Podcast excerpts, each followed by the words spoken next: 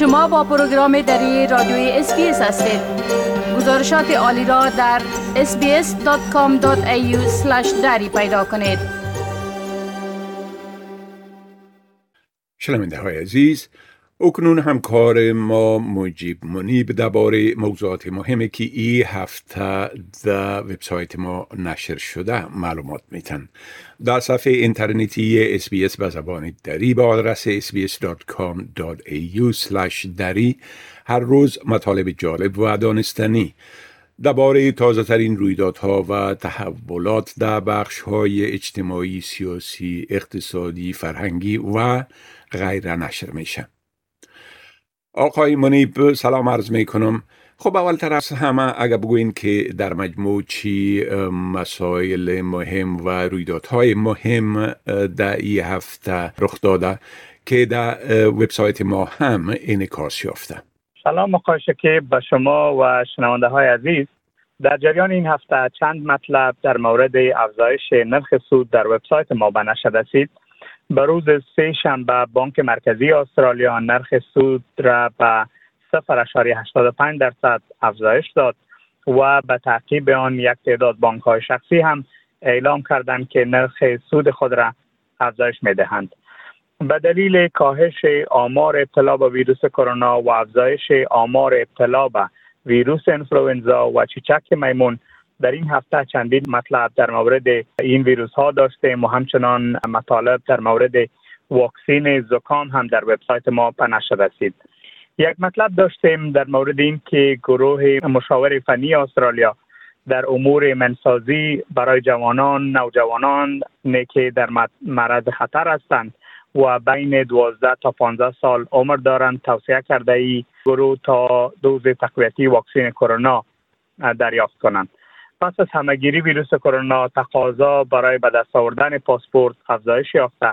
یک مطلب در این هفته در مورد ای داشتیم که در حال حاضر مردم برای به دست آوردن پاسپورت انتظار طولانی می‌کشند که در این مورد هم جزئیات را بعدا شریک می سازیم گروهی از هنرمندان به خاطر حمایت از هنرمندان افغان در سیدنی گرد هم آمده بودند تا یک مقدار کمک های مالی به خاطر هنرمندان افغان جمع آوری بکنند. ما در این مورد یک مصاحبه داشتیم با یکی از برگزار کنندگان این برنامه که در جریان این هفته این مصاحبه هم در رادیوی ما و همچنان در وبسایت ما به نشر رسیده. علاوه بر در جریان این هفته در مورد وضعیت افغانستان جنگ اوکراین خط تلفنی کمک روانی به زبانهای مختلف و چگونگی پرورش اطفال در استرالیا گزارش ها داشتیم. همچنان مطالب جالب دیگر هم در وبسایت ما به نشر رسیده که شنونده های ما می توانند به وبسایت ما مراجعه کنند و مطالب را در وبسایت ما بخوانند یا هم بشنوند. بله خب چنانچه شما یادآور شدین نرخ سود در این هفته به پیمانه نیم فیصد بلند رفت که طبعا با ای بلند رفتن. مقدار بازپرداخت قرضی خانه هم بلند میره. اگر لطفا در ای باره یک مقدار توضیحات بتین بله آقای که بانک مرکزی استرالیا که به نام ریزرو بانک آف استرالیا یاد میشه به روز سه شنبه اعلام کرد که نرخ سود را از 0.35 درصد به 0.85 درصد افزایش می دهد. هیئت مدیره بانک مرکزی استرالیا گفت که این افزایش گام دیگری است در عرصه از بین بردن حمایت های پولی فوقالعاده که برای کمک به اقتصاد استرالیا در جریان همگیری کرونا ایجاد شده بود و ای بانک در نظر دارد تا در ماهای آینده گام های بیشتری در پروسه عادی سازی سیاست های پولی بردارد.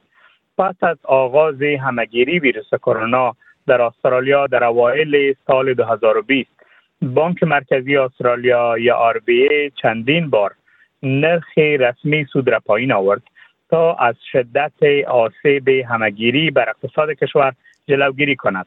ای بانک در ماه نوامبر 2020 نرخ سود را به 0.1 درصد کاهش داد که در طول تاریخ به سابقه بود.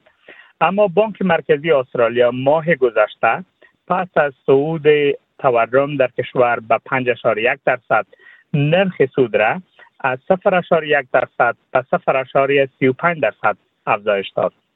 در جریان ماه روان به روز در هفته روان و ماه روان به روز سه شنبه ای بانک اعلان کرد که نرخ سود را از 0.35 درصد به 0.85 درصد افزایش می دهند. جیم چالمرز وزیر خزانه استرالیا پس از اعلام این خبر گفت که افزایش نرخ سود خبر سخت به خاندارها است که از قبل با هزینه های گذاف زندگی مواجه هستند.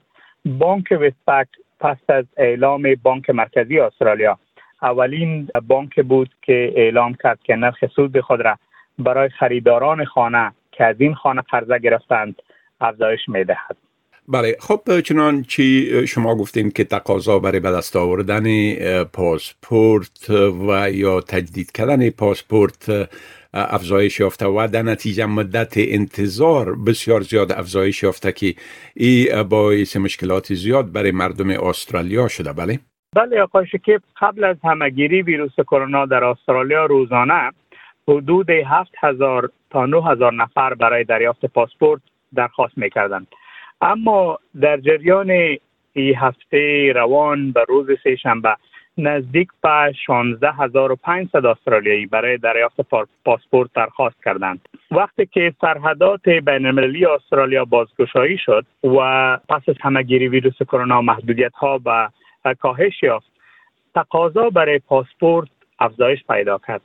مشکلی است که با وجود افزایش به دلیل افزایش تقاضا برای پاسپورت مشکلی که ایجاد شده ای است که مردم باید انتظار بیشتر بکشند و مدت طولانی تر باید منتظر باشند تا پاسپورت خود به دست بیارند.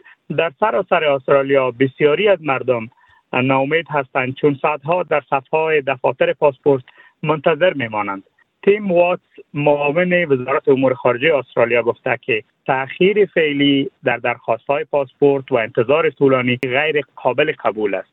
او گفته که حکومت با وزارت امور خارجه و تجارت یکجا کار می کند تا این وضعیت را به صورت فوری با افزایش تعداد کارکنان در بخش بررسی و مرکز تماسی مشکل حل بسازند. و گفته که این مشکل پیش بینی شده بود وقتی که محدودیت ها در استرالیا کاهش پیدا کرد. سرحدات بین المللی باز شد. این مشکل پیش بینی شده بود که تقاضا افزایش پیدا می‌کنه و مردم با این مشکل مواجه میشن. اما مشکلی که اشاره کرده ای است که با وجودی که پیش بینی شده بود آمادگی از قبل برش گرفتن نشده بود و به همین دلیل است که مردم با مشکلات روبرو هستند. و در حالی که قبل از همهگیری ویروس کرونا مردم با مدت کمتر منتظر می شدن تا پاسپورت به دست بیارن و یا هم آسانتر می تانستن فعلا به هر کسی که برای پاسپورت درخواست می‌کنه برشان گفته میشه که پنج تا شش هفته بعد منتظر باشند اما بعضی افرادی که ممکن بررسی اسنادشان کم پیچیده تر باشه وقت بیشتر بگیره. اما معمولا بین پنج تا شش هفته ای روزها وقت می‌گیره تا که یک فرد بتانه پاسپورت استرالیا را به دست بیاره. بله خب آقای منیب از این معلوماتتان تشکر و فعلا شما را به خدا می سپارم. روز خوش و آخر هفته خوش برتان آرزو می کنم. تشکر آقای که به شما هم روز خوش داشته باشین. می خواهید این گونه گزارش ها را بیشتر بشنوید؟ با این گزارشات از طریق Apple Podcast، Google Podcast، Spotify و یا هر جایی که پادکاستتان را می گیرید گوش دهید.